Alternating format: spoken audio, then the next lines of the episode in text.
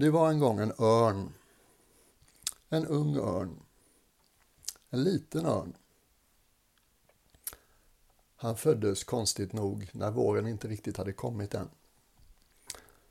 Så hans tidigaste minnen var av en kall, oförlåtande himmel. Och livet i det lilla redet Det var alldeles för långt. Och mamma och pappa de kom och försvann och matade honom. Och mycket av hans liv upptogs av tankar kring vad finns bortom redet.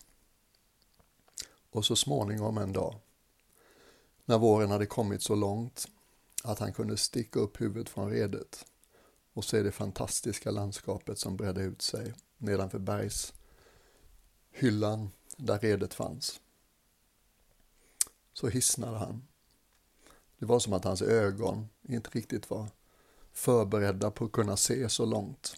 Han fick vänja sig vid horisonten en stund och vid att ögonen skulle få vila på någonting som var längre bort än ett par näbbars avstånd. Och hela hans väsen visste att det enda jag vill nu, från och med nu, det är att få ta mig bortom redet mot horisonten. Och jag bär på någonting som jag inte riktigt vet vad det är, men jag ser det i mamma och pappa. Två stora flärpar på ryggen som man kan sträcka ut och sen röra sig på ett sätt jag hittills bara har kunnat drömma om. Och dagarna gick och det blev varmare och varmare. Det var mer och mer ljud i luften. Det var inte bara örnarna som hade ungar. Och den här viljan att få sträcka ut sina vingar och flyga dit näbben bär blev bara starkare och starkare och starkare.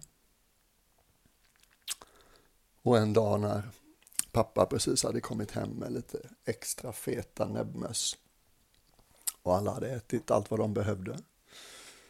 Så satte sig den lilla örnen, den lilla örnen hette ju då eh, Botvid, örnen Botvid. Och hans mamma och pappa hette bara mamma och pappa. Och mamma och pappa de fällde ihop sina vingar i redet och tittade på sin lille Botvid och var tysta ovanligt länge.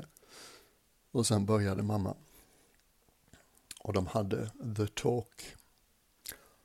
Ja du lille Botvid, vi har ju märkt på dig att du blir mer och mer rastlös och har svårare och svårare att hålla dig still här i boet när vi är ute och letar mat åt oss. Och det är förstås någonting som du inte har fått vara med om än som nu närmar sig med stormsteg. Det kallas att flyga. Det är faktiskt vårt naturliga tillstånd men det tar lite tid innan vi kan uppleva vårt naturliga tillstånd. Och pappa och jag tror att du nu är i fasen där du faktiskt kan flyga. Och det som kommer hända snart här, strax, rent ut sagt, det känns lite farligt innan. Det är som att du inte vet att du kan det här. Vi vet att du kan det här. Vi har sett det med dina syskon från tidigare år. Det kommer kännas som något alldeles nytt som du inte är gjord för och som är onaturligt, jättehotfullt. Och bestämmer du dig för att ändå prova så kommer du upptäcka att det bär. Och Botvill låg där i redet och kände sig ganska trygg men ändå lite ängslig och samtidigt spänd och förväntansfull. Och blev liksom bara tagen av tanken på att han hade syskon, det hade jag ingen aning om. Mm. Och sen tog pappa över. Och pappa sa, jo, du ser det här som är där ute, det här stora tomma rummet ovanför träden. Det kallas luften och det är faktiskt vårt naturliga hem. Vi kan leva där i timmar. Mm. Vi rider på termik. Varmare ytor på land och även till havs blir varma förstås, eller mörka ytor blir varma fortare än omgivande ljusa ytor. Och över de varma mörka ytorna så stiger sen paket av varmare luft.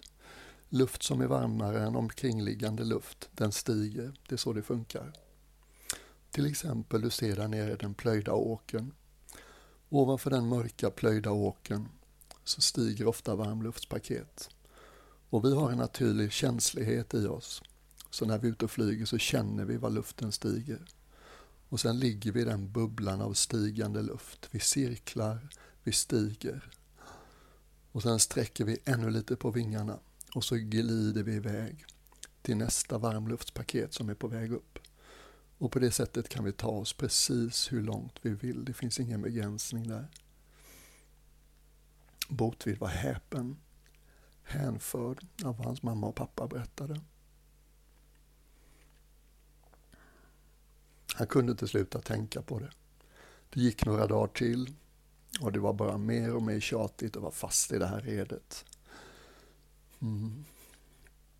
Och en morgon så vaknade han och kände, idag är dagen.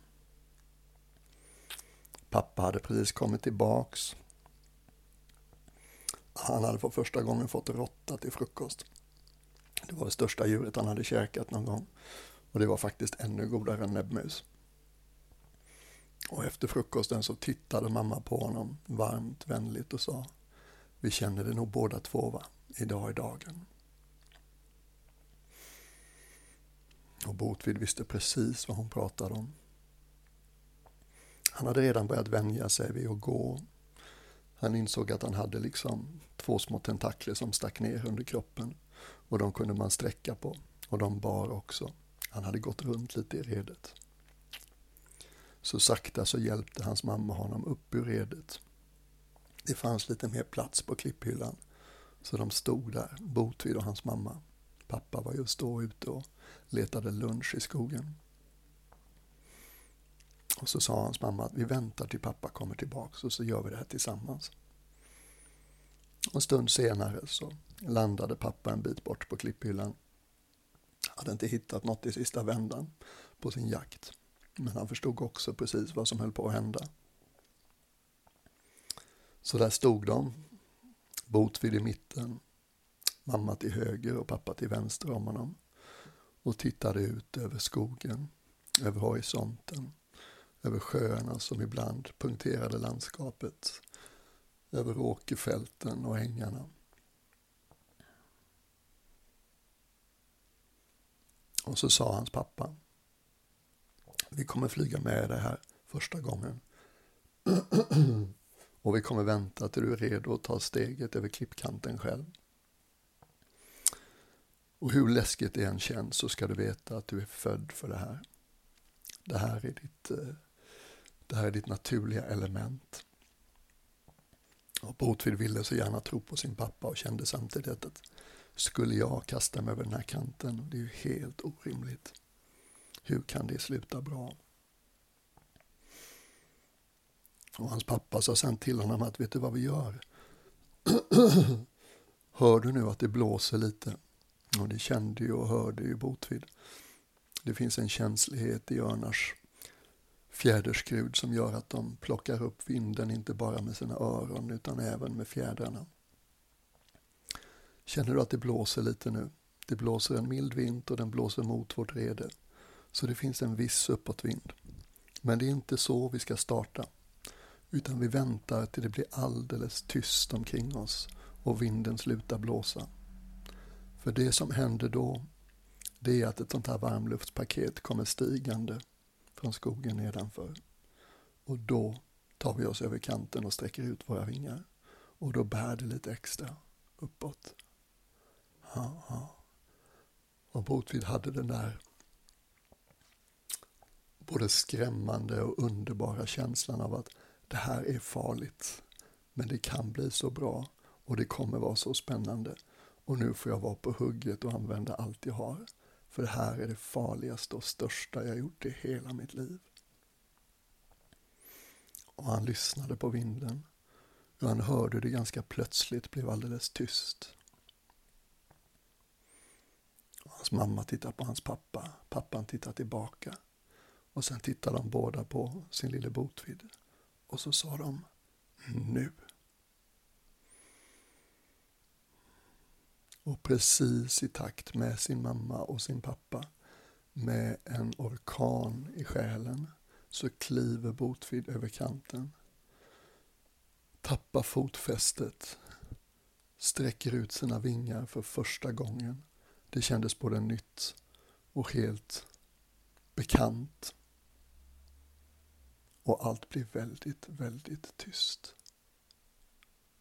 Han har knappt sett sig omkring, han var så upptagen med att fälla ut vingarna. Och helt plötsligt så svävar han. Han gör ingenting. Kroppen verkar veta vad den ska göra. Och han glider fram genom luften. Den bär. Han ser sig omkring. Pappa är fortfarande på hans ena sida, mamma är fortfarande på hans andra sida. Och han känner sig friare än han har gjort någon gång i hela sitt korta liv. Han kan inte få nog. Han lär sig att flyga neråt genom att fälla ihop vingarna en liten smula. Han lär sig att flyga uppåt genom att sträcka ut dem lite extra och låta termiken, de varma luftpaketen som stiger, få lyfta honom uppåt. Han lär sig att svänga till vänster genom att fälla in vänster vinge lite och sträcka ut höger lite extra. Han lär sig att svänga skarpt. Då tar man lite fart innan svängen och sen plötsligt så fäller man ut den ena vingen lite extra och drar in den andra lite extra och så svänger man åt det hållet som den vingen som har blivit mindre är. Han upptäcker att hans ögon börjar vänja sig vid de stora perspektiven. Han kan helt plötsligt ha en synskärpa som är alldeles makalös på saker som är långt, långt borta. Han upptäcker hur känsliga hans öron är. Han kan höra en liten mus som piper på ett fält nedanför. Hans ögon kan fånga upp rörelser i en äng som inte passar med ängen och gräset, som han förstår är små djur, som senare kommer bli djuren han jagar för att äta. Och han fattar precis vad mamma och pappa menade när de sa att hur läskigt det än känns i början så kommer du snart upptäcka att du är född för det här. Mm. Och sommaren går och Botvid vill bara flyga. Han vill bara sväva. Han tar sig längre och längre ifrån redet. Efter en vecka ungefär får han flyga ensam. Och han flyger omkring med en känsla av att jag är så himla nöjd att jag är just örn. Han upptäcker en massa andra djur. En del har fyra ben, en del har två, en del har vingar, en del har horn, en del hoppar. Men ingen verkar ha fått vinstlotten på samma sätt som vi örnar. Det här är grejen.